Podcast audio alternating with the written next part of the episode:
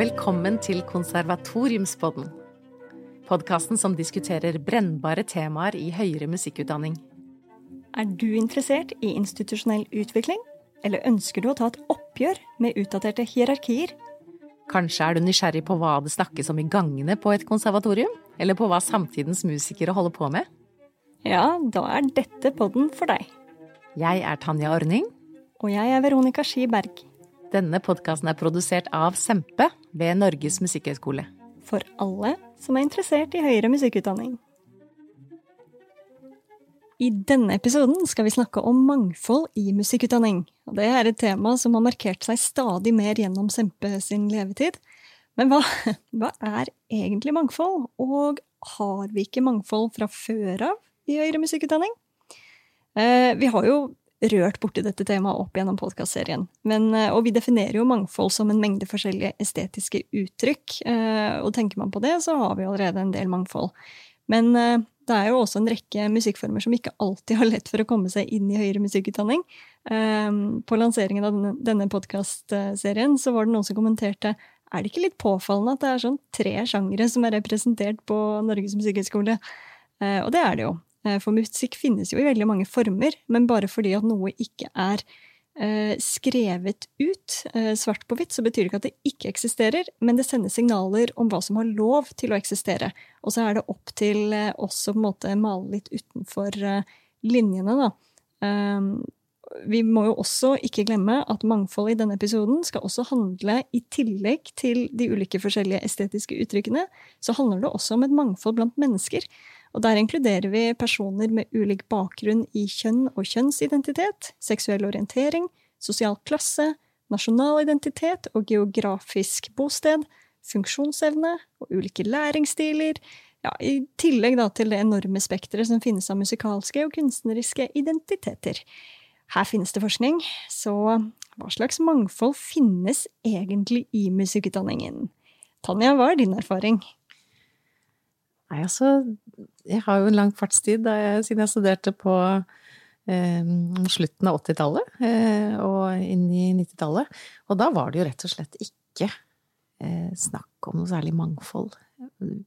Og for å gå rett på eksempel kjønnsmangfold, så var det jo det jo verken kvinnelige dirigenter eller komponister. Vi syntes jo det var veldig rart, men eh, det var en slags Sånn var det. Vi jobbet jo for å endre det. Mens nå er det jo helt selvsagt at underrepresenterte grupper i klassisk musikk eh, gjøres noe med, og det er en helt annen tilfang.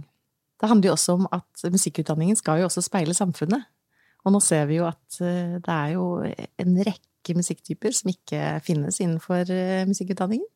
Og det meste folk hører på, er jo heller ikke klassisk musikk som er veldig dominerende innenfor musikkutdanningen.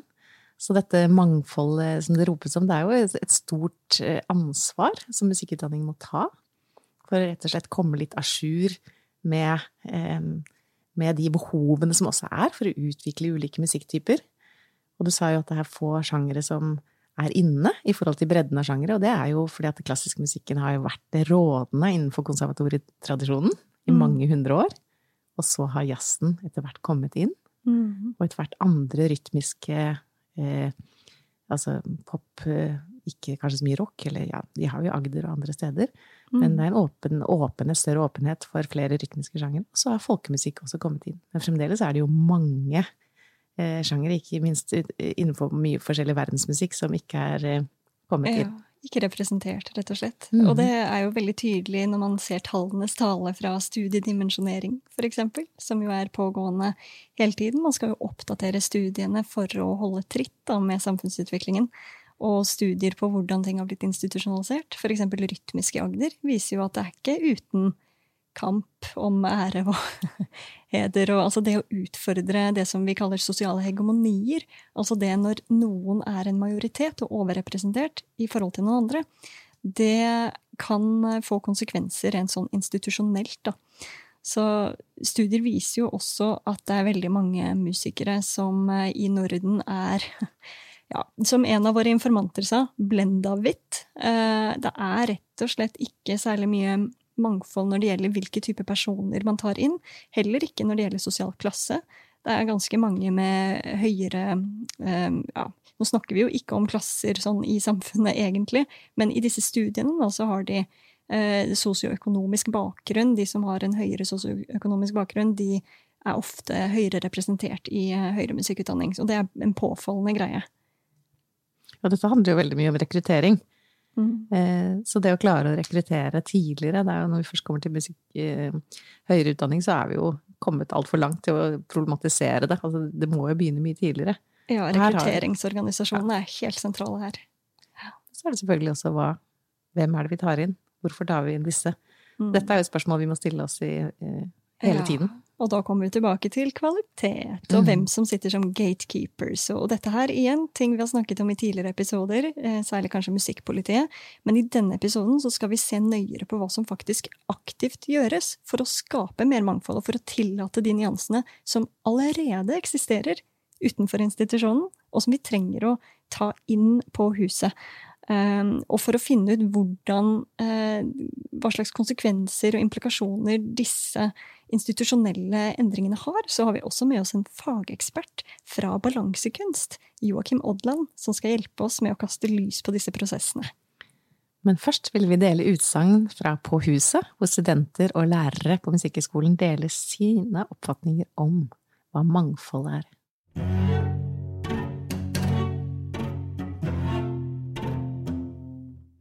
Hva tenker du om mangfold i høyere musikkutdanning?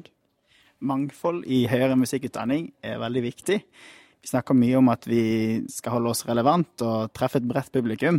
Det kan vi ikke gjøre hvis ikke vi også representerer dette mangfoldet på vår utdanningsinstitusjon.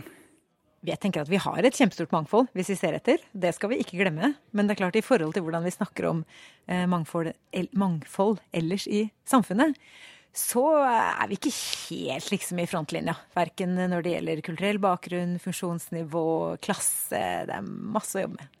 I tråd av den diskusjonen som driver på nå, med om eh, utenlandsstudenter skal behøve å betale skolepenger, så syns jeg det er et veldig godt poeng at uh, uh, folk fra andre land tilfører noe til skolen som som ikke vi bare kan få av å ta inn eh, studenter fra vårt eget fedreland. da. Jeg tenker at det er kjempeviktig at det finnes et mangfold der. Eh, det er viktig at det er plass til alle, og at alle har forbilder å se opp til når de eh, skal starte å spille et instrument. Jeg tenker at det kreves mer, eller jo mer mangfold, desto bedre. Um, både kjønn og hva man kommer fra, osv. Ja, dette med at eh, utenlandsstudenter utenfor EØS og må da betale 380 000 kroner i året eh, for å studere. Det er jo eh, ikke gått gjennom i Stortinget ennå, men det er jo mye som tyder på at det kommer til å skje. Og det, jeg tenker at det er en katastrofe for utdannings, hele utdanningssektoren i Norge. Og på Musikkhøgskolen har vi jo mange veldig mange fra andre land. Og jeg vil si at masterprogrammet, hele det store programmet på, på skolen, har vært eh, enormt beriket av folk fra andre land. Eh, og der, de perspektivene og de kulturene og den interaksjonen, kulturelle interaksjonen som skjer eh, der, det er helt uvurderlig. Så jeg tenker at det vil, det vil smalne til mangfoldet, og det vil også føre til ja, et fattigere studiemiljø. Mm. Og kulturutveksling er jo utrolig viktig for å få input og nye impulser og, og utforske nye estetiske uttrykk og lære seg å kommunisere med folk med en helt annen bakgrunn. Altså det er så mye virkelig sånn kjernemat her på hvordan å tenke mangfold.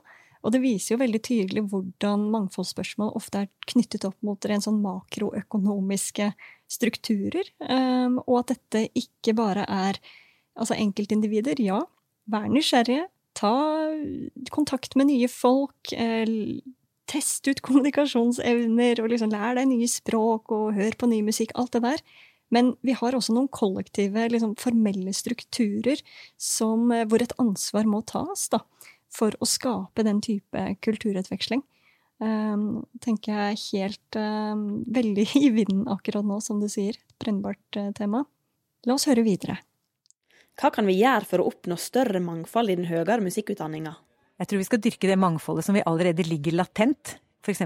kvinnelige komponister. Det fins på biblioteket. Bare gå ut og spill. Så det er kanskje det enkle svaret. Det andre er det litt mer langsiktige, som kanskje henger sammen med samfunnet ellers, og med rekruttering fra liksom, aldersgruppene under høyskolenivå. Der ligger de store utfordringene i at vi skal få breiere tilfang av eh, studenter. Og der eh, må vi bare ta litt om gangen sørge for å vise frem alle de forskjellige stjernene vi har. Ikke de samme heltene om og om igjen, men å vise frem ulike komponister, utøvere, lærere, professorer. Hvem man ansetter, hvem man tar inn. Alt det er med på å påvirke. I think more than anything, uh, the countries and the places that have the resources to do the outreach to the other places that don't have that possibility to do it should make an effort to just go to those places and teach more classical music. And not in a very colonizing way, which is another thing that I've always thought about. Like, you can't go into a place that is not westernized and expect people to just like automatically accept it. You have to be very aware of what their ideas could be and what their idea of music and classical music is and kind of go from there.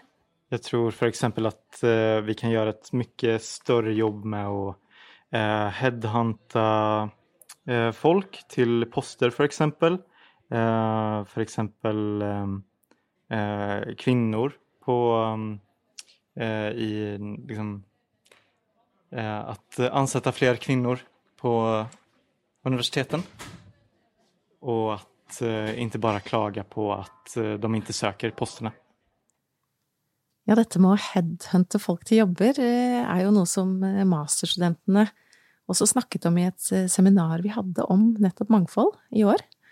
At de ønsker seg mye større diversitet blant lærerne. De ønsker seg mange flere yngre lærere, som har ulike ståsteder, ulike estetiske bakgrunner.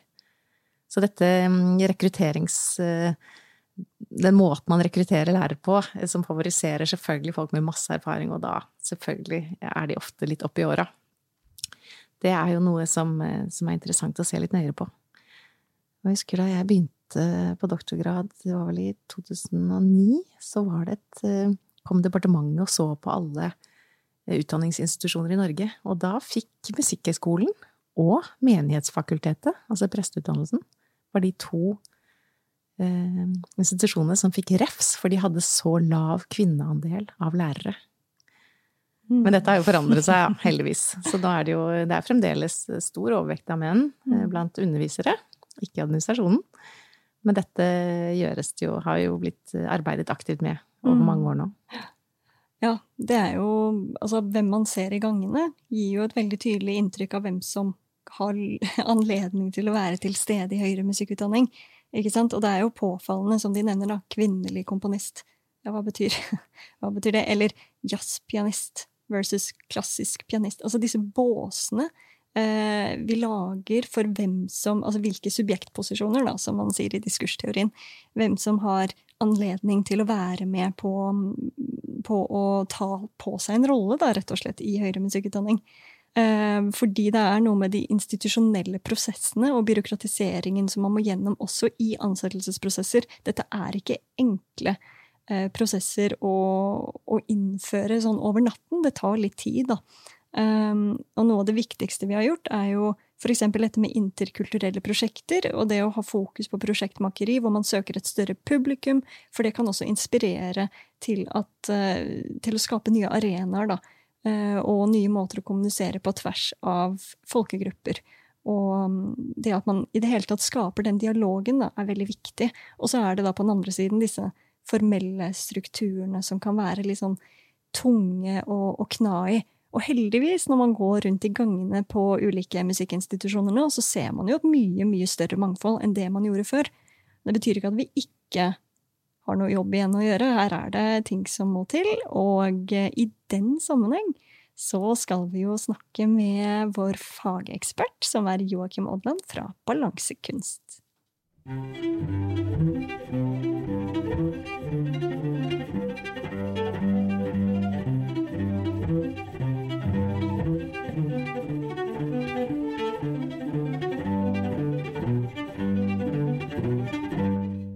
dag har vi med oss Joakim Odland på Konservatoriumspodden.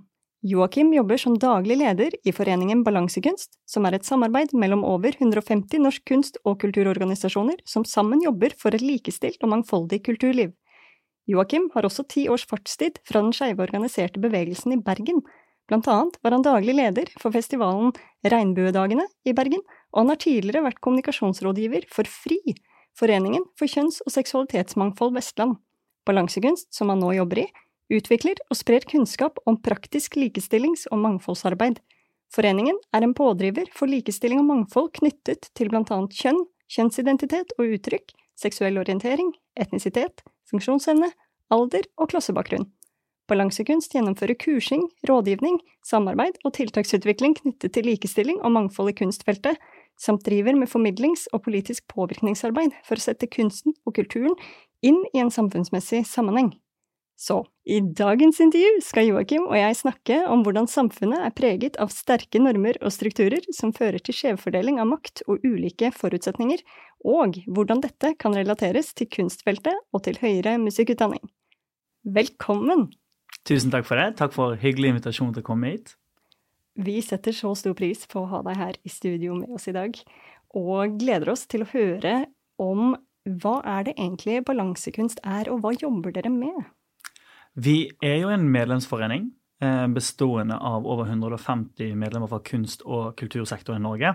Og da snakker vi alt fra arkitektur til musikk til gaming eh, til dans eh, og litteratur. Så vi har et veldig bredt spekter i kunst- og kulturfeltet. Så startet vi i 2016 som, det var da vi ble en ordentlig forening. Før det så var vi et nettverk. da. Eh, og har siden eh, begynte vi med musikkindustrien, hvor det var eh, Vi så jo store utfordringer eh, knyttet til bl.a. seksuell trakassering og etter metoo-bevegelsen. Og så har vi siden da eh, blitt en, en, organisasjon som eh, favner veldig bredt i kulturfeltet. Mm. Ja, det er veldig, veldig fint. Vi vet av kunstnerundersøkelser at musikere er den største yrkesgruppen blant kunstnere, men vi ser også mange fellestrekk som, som finnes i de ulike kunstfeltene. Og, at, og, det har jo blitt økt fokus på at man skal være sammen om, om, å skape endringer, og ikke minst at det er veldig mange fellestrekk da, som binder oss sammen som kunstnere. Så hva vil du si er noen av utfordringene dere møter på? Vi møter generelt sett eh, altså en del utfordringer. Den hovedutfordringen for å jobbe med en sektor som kunst- og kultursektoren, er jo kanskje dette med et armlengdes avstand-prinsippet. Eh, hvor mange opplever at det som vi jobber med, det, det, det, blir for politisk. At man legger politiske føringer på det å drive kunst. da, Det å jobbe med kunst og kultur. Eh, mens eh, vi er opptatt av at eh, bare fordi kunsten skal være fri, betyr jo ikke det at han ikke har et samfunnsansvar. Eh, og når vi vet at eh, i kunst- og kulturlivet så eh, er det f.eks. ganske overrepresentert på seksuell trakassering. man ser at det er veldig tydelige makthierarkier i denne bransjen. Det er nettverksbasert, det er veldig mannsdominert. så man har jo et behov for å jobbe med det i denne sektoren. så det er kanskje en av de største utfordringene, den at man ikke ønsker de politiske føringene, og ikke da klarer å se det samfunnsansvaret man sjøl har. da. Mm. Det er gjenklang. Um, det er annet studenter som, som hevder at uh, vi kan ikke reise overalt i, i kunstens navn og ødelegge klimaet, eksempel. Mm. At det er en type samfunnsansvar som, som, man kan skrive fra seg fordi det er for kunsten. Mm. uh, og så er det jo ikke sånn at de to er mutually exclusive, at, at det ene ikke Begge deler eksisterer jo. Vi har både fri kunst og kunst med ansvar. Og jeg tenker at det ene er ikke nødvendigvis løsrevet fra det andre. Nei, og jeg tenker at hvis man, hvis, hvis man ser på kunsten sin og tenker at den, den er helt fri, da, eh, så, og man ikke skal ha, ha noen retningslinjer, man skal ikke jobbe med disse temaene, så er man kanskje preget av egne privilegier, eh, og kanskje ikke har den forståelsen for at ja, kanskje kunsten din ikke er helt fri, fordi den kunsten og kulturen er jo like påvirket av samfunnets utfordringer og sam, samfunnet generelt sett. Så hvis man lever i et veldig mannsdominerende samfunn, eh, eller eh, samfunn fullt av makthierarkier og, og ujevn balanser i maktsystemer, så påvirker det også kunsten. Man kan bare velge om man ikke skal se det, og så skal man heller bare si nei, men vår kunst er fri. Men er den egentlig helt fri, eller er den påvirket? Eh, vi tror at den er påvirket, og derfor må man faktisk jobbe aktivt innad i eget miljø da, for å endre eh, og åpne opp og gjøre kunsten fri og tilgjengelig for alle. Mm. Jeg tenkte, jeg dro frem klima i stad, og det er fordi at det er litt sånn, du kan se på tallene hva mm. som gjelder. Og, og, på samme måte så ser man jo fysiske instrumenter blir jo laget i den samtiden man lever i. Og det er liksom, det er noe med det materielle som er litt synlig. Men her, du nevner jo en hel haug med ting som oppleves kanskje litt som abstrakt. Eh, så når du da står overfor denne utfordringen og den eh, politiske motstanden, eller hva man nå skal kalle det, denne, dette ønsket om at kunst skal være fullstendig fri, hvordan jobber dere da med denne, å øke bevisstheten rundt at kunsten kan være fri, men den kan også ha et ansvar? Eh, det som vi prøver eh, i møte med kunsten og kulturen, er jo å, å synliggjøre de makthierarkiene som eksisterer. Vi snakker ikke gjerne så veldig mye om de, de konkrete eh, utfordringene knyttet f.eks. Vi, vi ikke, eh, snakker gjerne ikke om homofobi men vi snakker om en heteronorm. Mm. Vi snakker heller om disse normene som eksisterer i samfunnet, som kanskje eh, ufarliggjør temaet litt. Grann. Eh, det, da tenker ikke at, men jeg ikke, eh, Noen tenker gjerne veldig kjapt sånn at um, Men jeg er ikke homofob.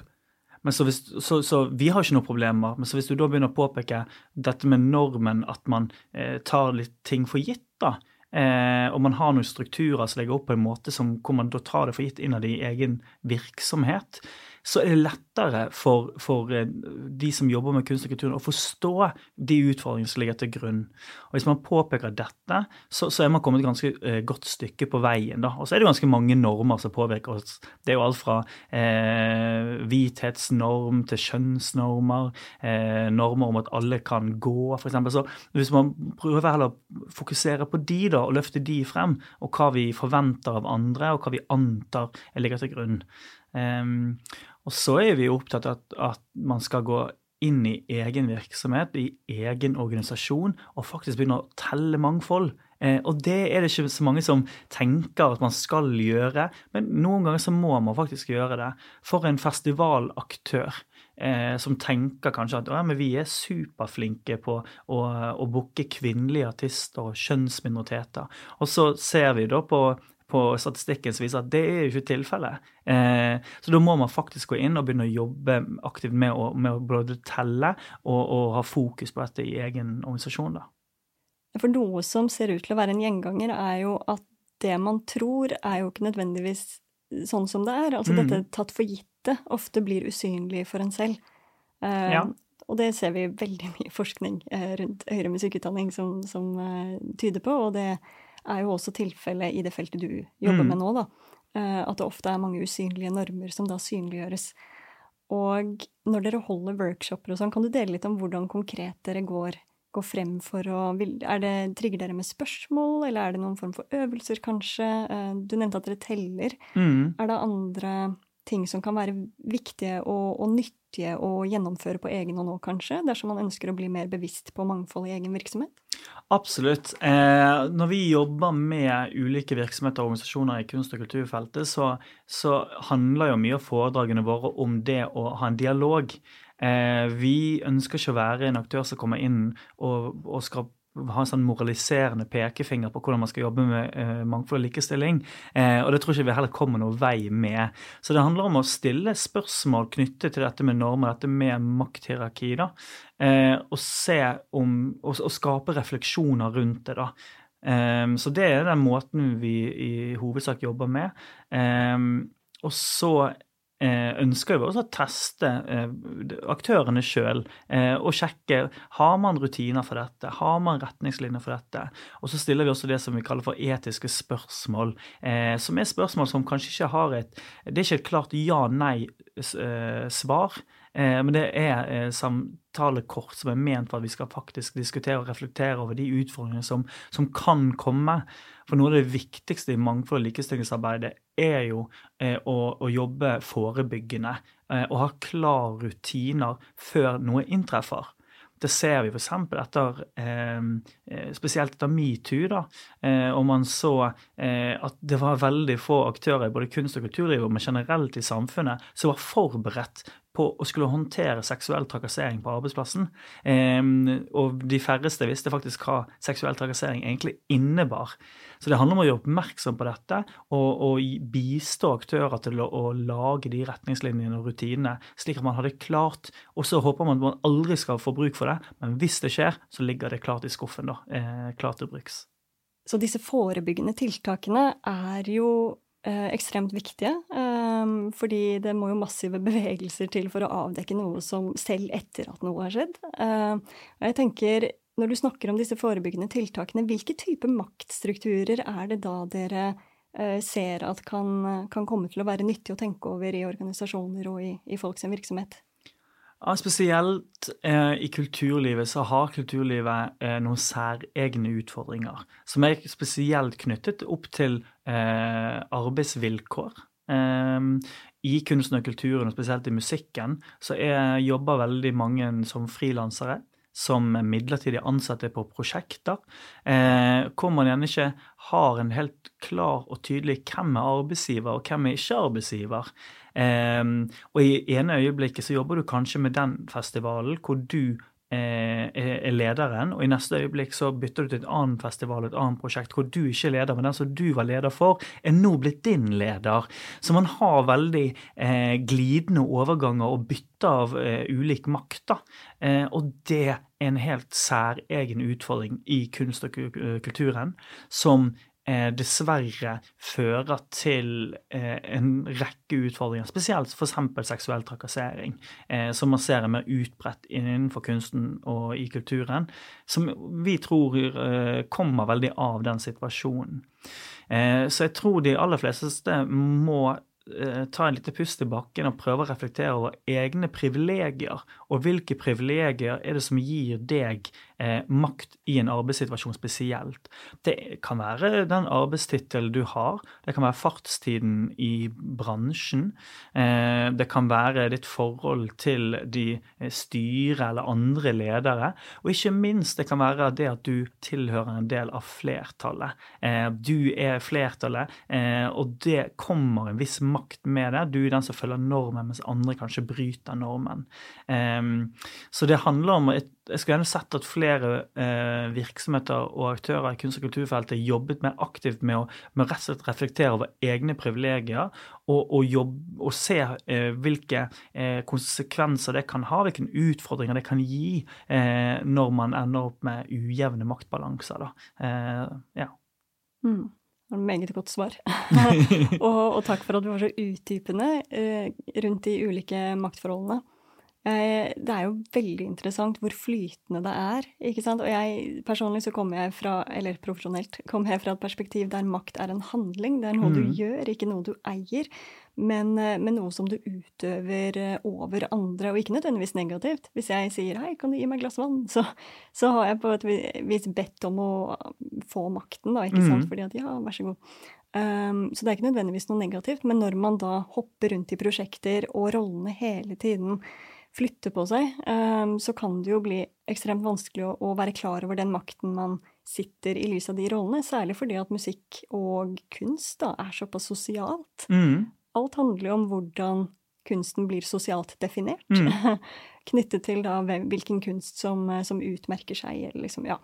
Og ikke minst har vi jo støtteordninger og en hel haug med andre typer makt, eh, portvoktere og sånn, da, som, som, er med på å bestemme hvilken kunst som, eh, som skal anses som mest verdifull, og ikke minst utdanningsinstitusjoner. Mm. Um, har du noen gode råd til hvordan man kan jobbe rent sånn organisatorisk også blant disse portvokterne, for å bli mer bevisst på, på det som er normativt, og, og hvilken type flertallsmakt eller eh, andre former for makthierarkier som kan skjule seg i disse mekanismene? Eh, ja, altså det aller første, eh, for spesielt portvokterne, da, så tenker jo jeg at det er litt tilbake til det vi snakket om i sted. Dette med at man må være klar over egen rolle. Da. Eh, det er et eh, begrenset antall portvoktere som kan bestemme om din karriere skal skyte fart eller ikke. Eh, Og vi er jo veldig påvirket av ulike biaser. Eh, vi ønsker å møte mennesker som er like som oss sjøl, som, som, ser like ut som oss sjøl, som høres like uh, ut som oss sjøl. Spesielt i musikkindustrien. Eh, tilhører du f.eks. En sjanger, så, så kanskje det, du vil favorisere den sjangeren sjøl. Um, og da handler det om at man må innse den, de privilegiene man har, og den makten man har som portvokter for å bidra til å bli en døråpner og ikke bare en portvokter. Uh, og for utdanningsinstitusjoner òg uh, så er det noen særegne utfordringer der. Fordi uh, det er jo gjerne preget veldig av um, altså i kunsten spesielt, av vestlig definisjon på hva som er kvalitet, og hva som er bra. Hva man skal anerkjenne som kunst, og hva man ikke skal anerkjenne som kunst.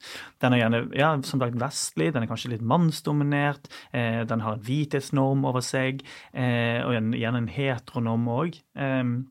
Derfor snakker man gjerne om skeiv kultur som en, for eksempel en undergrunnskultur, til tross for at det gjerne har påvirket både musikk og kunsthistorien. Eh, Men fordi man har den definisjonen på hva som er kvalitet, og hva som ikke er kvalitet. Det man trenger i utdanningsinstitusjoner og generelt i virksomheter, er jo å jobbe med eh, å øke mangfoldet på egen eh, arbeidsplass og i egen virksomhet. Da vil man få noen nye perspektiver som bidrar til å kanskje eh, ja, oppheve de boksene da, som, som, som legger veldig føringer på hva kunsten skal være. Du har jo tross alt god fartstid med denne type arbeid. Hva vil du si har vært mest givende for deg? Det mest givende er når man ser endringen som, som kommer. da. Når man ser at um, statistikken forbedrer seg. Man ser flere eh, bl.a. kvinnelige artister, kjønnsminoriteter, andre underrepresenterte grupper som kommer seg opp og frem i kunsten og kulturen. da. Eh, som kanskje ikke eh, hadde vært der tidligere. Hadde ikke det vært for det arbeidet som legges ned av ganske mange. Um, så det er kanskje det, det å se de endringene som, som, som, skjer i samfunnet, og være en del av det, er noe, nok noe av det mest givende med både uh, med likestilling og mangfoldsarbeidet. Uh, så ja, for meg er det nok det. Så endring skjer? Endring skjer, uh, men det krever jo at man er bevisst på det. og for oss i balansekunst så blir vi veldig glad når vi får vi får stadig flere og flere medlemmer i foreningen, og vi trenger ikke drive noe oppsøkende arbeid. Eh, og Det betyr jo at mange av de kunst- og kulturinstitusjonene som er rundt omkring i Norge, de begynner å innse de, de utfordringene de kanskje sjøl har, den makten de sjøl sitter på, og ønsker å være del av denne endringen. Um, så vi vil jo at endringen skal komme fra kunsten og kulturen sjøl, og ikke fra, fra, oss og ikke fra politikere, eh, men at vi skal gjøre dette her sammen. Og det, og det er den endringen vi begynner å se.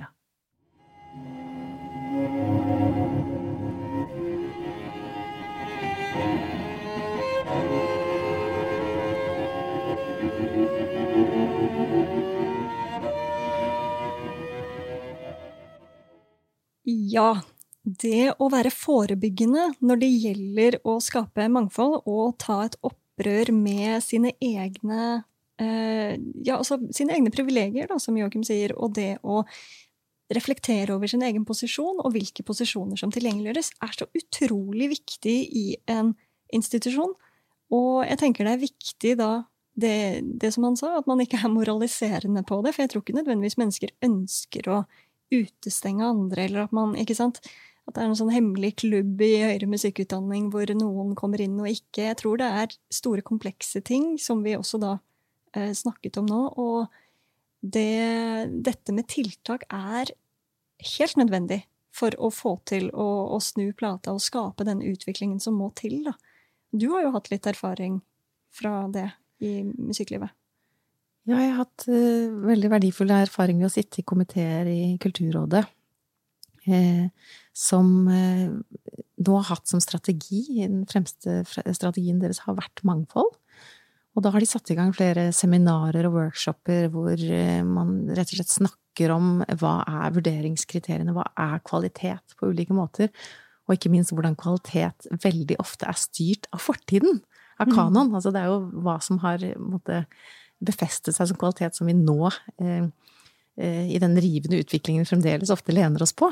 Så hvordan kan vi som sitter og vurderer eh, utfordre våre egne blindsoner, for vi har alle blindsoner. Altså det er jo selvfølgelig Du kommer fra et estetisk uttrykk, og der sitter jo Det er peers, ikke sant. Du sitter jo som kunstner i en komité og vurderer andre kunstnere.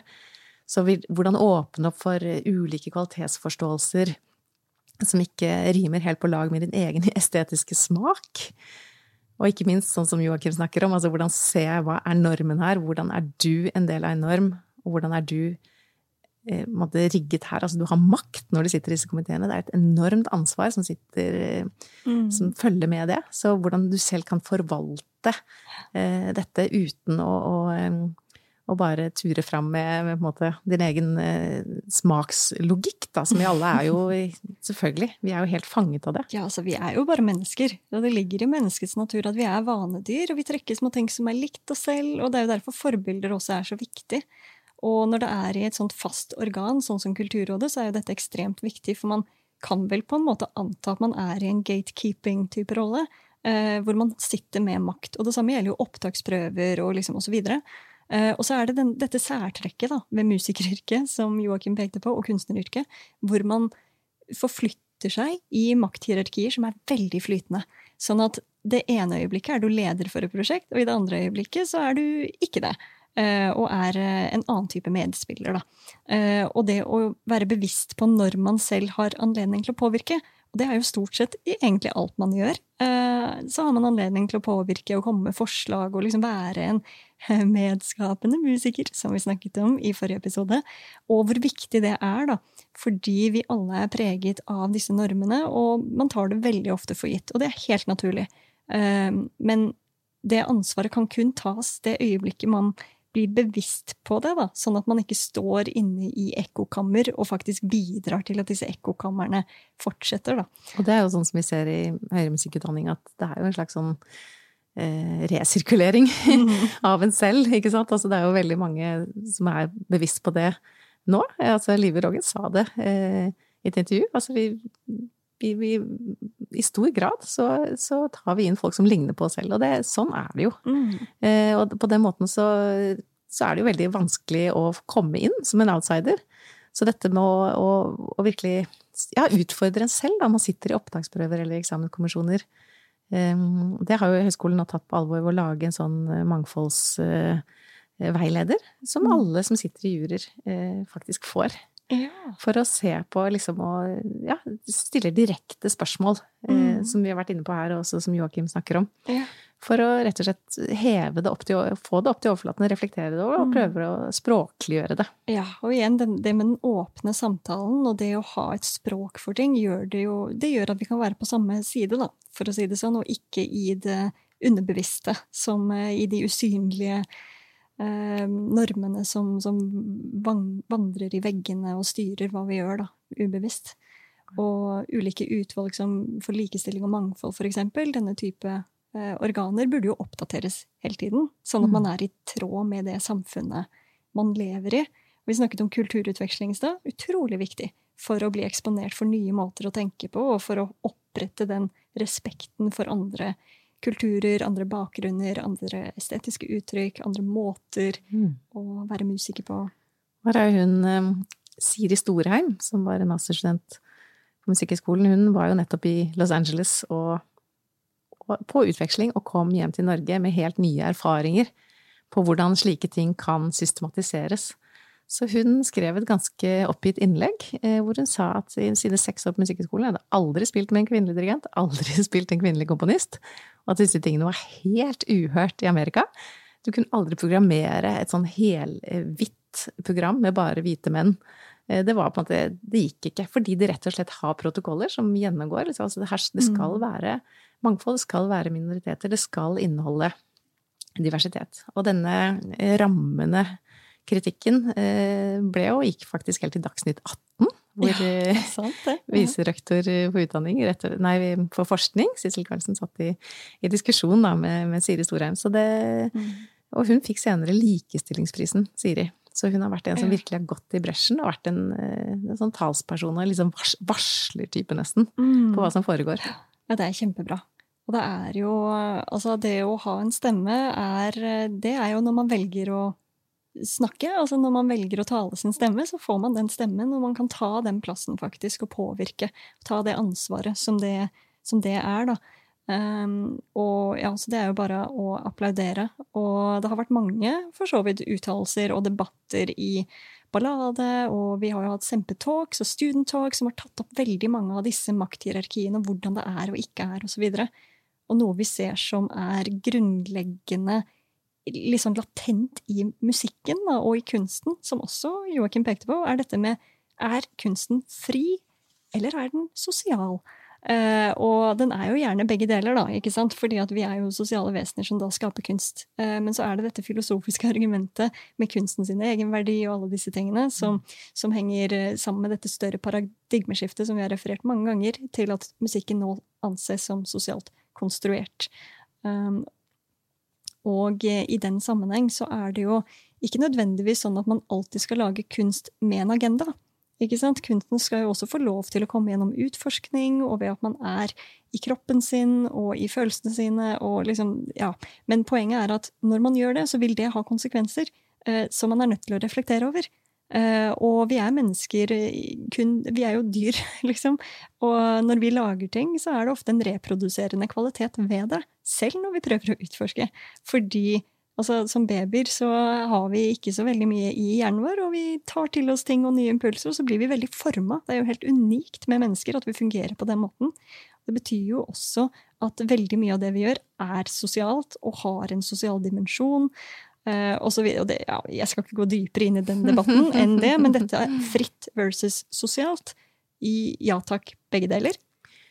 Absolutt. Og, og dette evige begrepet om at uh, vi velger jo bare på grunnlag av kvalitet. At kvalitet, på en måte, kunstig kvalitet uh, trumfer alt. Ja, ja. Og dette er jo, tenker jeg, den sosiale, globale virkeligheten vi lever i nå. Mm. Og verden forandrer seg så mye. Så er jo dette frihetens på en måte såkalte kunstens såkalte frihet, eh, den er alltid en kontekst. Kunst er Mm. alltid sosial, kunst er alltid en kontekst, i en sammenheng. Mm. Og her eh, kommer det inn at alle betaler skatt i Norge. Så det betyr jo at alle som betaler skatt, også burde ha et kulturtilbud. Dette er jo Kulturrådets Mm. på en måte demokratiske sinnelag. At da skal jo alle grupper også få tilgang og få, eh, få, få støtte til kultur. Og det er jo et stort, stort arbeid, fordi at det har vært definert Kvalitet har det vært definert eh, såpass mye smalere. Mm. Eh, så den bredden nå på at det, det er et demokratisk ting, det er, eh, det er jo noe av det sentrale innenfor det mangfoldsarbeidet som gjøres. Mm. Det skal være Absolutt. tilgjengelig for alle. Og det er også, hvis vi kobler det opp mot eh, ytringsfrihet, kunstnerisk frihet, akademisk frihet, så trenger ikke det å være motsetning til det å være demokratisk. Altså Man kan jo like gjerne bruke sin frihet til å fremtre som demokratisk, og oppsøke nye publikum osv. Her gjøres det jo faktisk en, en rekke ting i høyere musikkutdanning. Vi har fått nye studier, og det har vært i mange år interkulturelle prosjekter. Um, både i arbeidslivet generelt så har det også vært likestillingskvotering i noen områder, som også leder til en del sånn diskusjoner om konsekvenser der, hva det egentlig vil si for nettopp begreper som kvalitet og sånn, at det kan skape litt uro, selv om disse formelle strukturene jo tross alt er veldig nødvendige, da. Um, og det er en rekke forskningsprosjekter, og som vanlig så refererer vi til disse tingene for de som er interessert i å vite mer uh, om, om det, da. Og i Sempe-sammenheng så er det som sagt da, disse Sempe Talks, Student Talks, og så har vi en hel haug med prosjekter, særlig da studentinitierte prosjekter også, som er veldig fremadrettede. Mye tverrfaglighet, mye publikumsarbeid, mye um, medskapning, ikke sant, og så videre. Så må gå på podkastens hjemmeside. Det er der vi skriver referansene, for dem som vil gå litt i dybden. Ja, det var det godt du sa. Så en ting som jeg tenkte på som er påfallende når det gjelder majoriteter og minoriteter, da, er jo nettopp dette med å F.eks. Med en funksjonsnedsettelse. Eh, man blir ofte definert som noe man ikke er, heller enn noe man er, og liksom man vandrer i et sånn type landskap. Og hvis man ikke deler de erfaringene, så forblir de skjult. Eh, og det betyr jo ikke at man skal gå rundt og utlevere seg, men det betyr for ledere da, og institusjoner som innser at det finnes flere nyanser og måter å være på, så er det faktisk et eh, ledelsesansvar og forvaltningsansvar å innføre strukturer som anerkjenner flere måter å være menneske på enn det man kanskje uttrykker gjennom sin institusjon. Og forskning på på høyere musikkutdanning, nå er det en hel haug med bøker. Og liksom eh, Politics of Diversity in Music og ulike artikler om seksuell trakassering, om sosial klasse, om likestilling. Og det følger liksom fra 70-, 80-, 90-tallet og opp til i dag, og særlig nå i løpet av det siste tiåret så har det kommet en hel haug med litteratur som vi skal referere. Um, Poenget med dette er at en helt ny studie viser at nettsidene til skandinaviske eh, musikkutdanningsinstitusjoner gjerne sier én ting, og så viser det seg at det skjer ikke like mye på innsiden. Og det er jo fordi at dette er en strategisk eh, ting, tenker jeg da. At eh, man må faktisk jobbe strategisk med endring for at det skal skje over tid. Og vi har en del byråkratiske prosesser og sånn som står i der.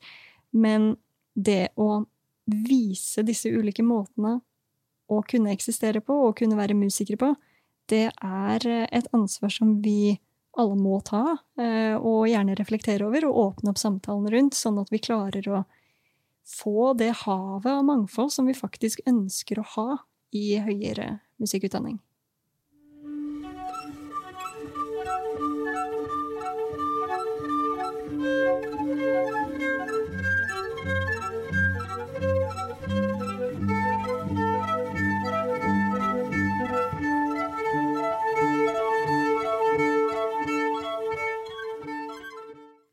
I denne episoden har vi snakket om mangfold i musikkutdanning på en hel eh, haug av forskjellige måter. Hva slags mangfold vi har, og hva som gjenstår. Og der er det jo en del. Og i et sånt institusjonelt perspektiv så er det veldig interessant å se hvordan det jobbes med endringer, og vi har ramset opp en del av disse i løpet av episoden. En ting jeg ønsker å nevne som på tampen, er at det ofte kan skje det at noen minoritetsgrupper paraderes i institusjoner, og da refereres det til tokenism, eh, eller grønnvasking, for eksempel, med tanke på klima, og institusjoner ønsker ofte å fremstå som mer fremadrettet enn det de kanskje er eh, innad i strukturene. Så det betyr jo ikke at det er slemt, liksom, det betyr bare at det er et genuint ønske om å rette snuta fremover, og at vi alle kan være med på å påvirke det strategiske arbeidet som faktisk foregår. Så ikke lukk eh, øynene eller ørene. Ta og Vær åpen og nysgjerrig, og se rundt deg, og, og på hva slags mangfold som, som, du selv ønsker skal komme inn i høyere musikkutdanning. Og vi må vel ikke glemme at uh, alle studentene som begynner ved høyere musikkutdanning, har jo holdt på i mange, mange år. Så det er jo, eh, som vi snakket om tidligere i episoden, viktig å begynne et rekrutteringsarbeid tidligere for et større mangfold. Altså gi flere tilgang til eh, musikkopplæring. Det er jo kanskje det aller viktigste. Eh, men også i forhold til representasjon, at, at man må jobbe aktivt for å få f.eks. flere jenter inn i det rytmiske. Jeg har hatt barn i kulturskolen nå i mange, mange år, og ser jo at det er jo man gjentar jo de veldig kjønnete gutta spiller instrumenter, og jentene synger. Og jeg vet ikke i hvilken grad dette gjøres noe aktivt med. Men her må man jo faktisk kanskje ha sett en kvinnelig trommis for å ønske å spille trommer selv. Altså det, er jo så enkelt som det. Å mm. se at eh, det finnes kvinnelige komponister, at dette er en yrkesvei for deg mm. selv. Så, mm, så det er jo et sted, helt konkret sted å begynne. Ja, absolutt. Så, og det gjøres jo altså Vi skal ikke glemme Frika og Frima og det åpne musikkstudiet og muligheten for to instrumenter og alle eh, disse tiltakene som vi foreløpig i sesongen har eh, nevnt, de er jo med på å skape mangfold. Eh, men det er kun de formelle strukturene. Så er det opp til resten av oss, da. Å ta en kikk rundt oss selv og følge med på hva som skjer i samfunnet, og ta inn det som skjer utenfor, til oss, være medskapende musikere, gå i samtale. Og, eh, og så er det opp til institusjonene å se på disse endringsprosessene og strukturene, og hva som faktisk vil gagne oss som, eh, som institusjon. Da. Og der ligger jo et litt sånn sentralt spørsmål, for uh, hvordan endrer egentlig institusjoner seg? Det har jeg en stor interesse for, og i neste episode skal vi gå løs på det. For da skal vi nemlig snakke om hvilke mekanismer som styrer institusjonelle endringer da skal vi snakke om fremtidens høyere musikkutdanning.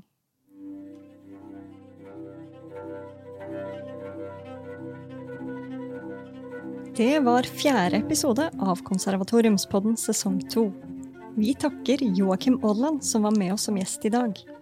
Vi takker også Sigrun Sæbø Aarland, som har vært produsent og konsulent for denne podkasten.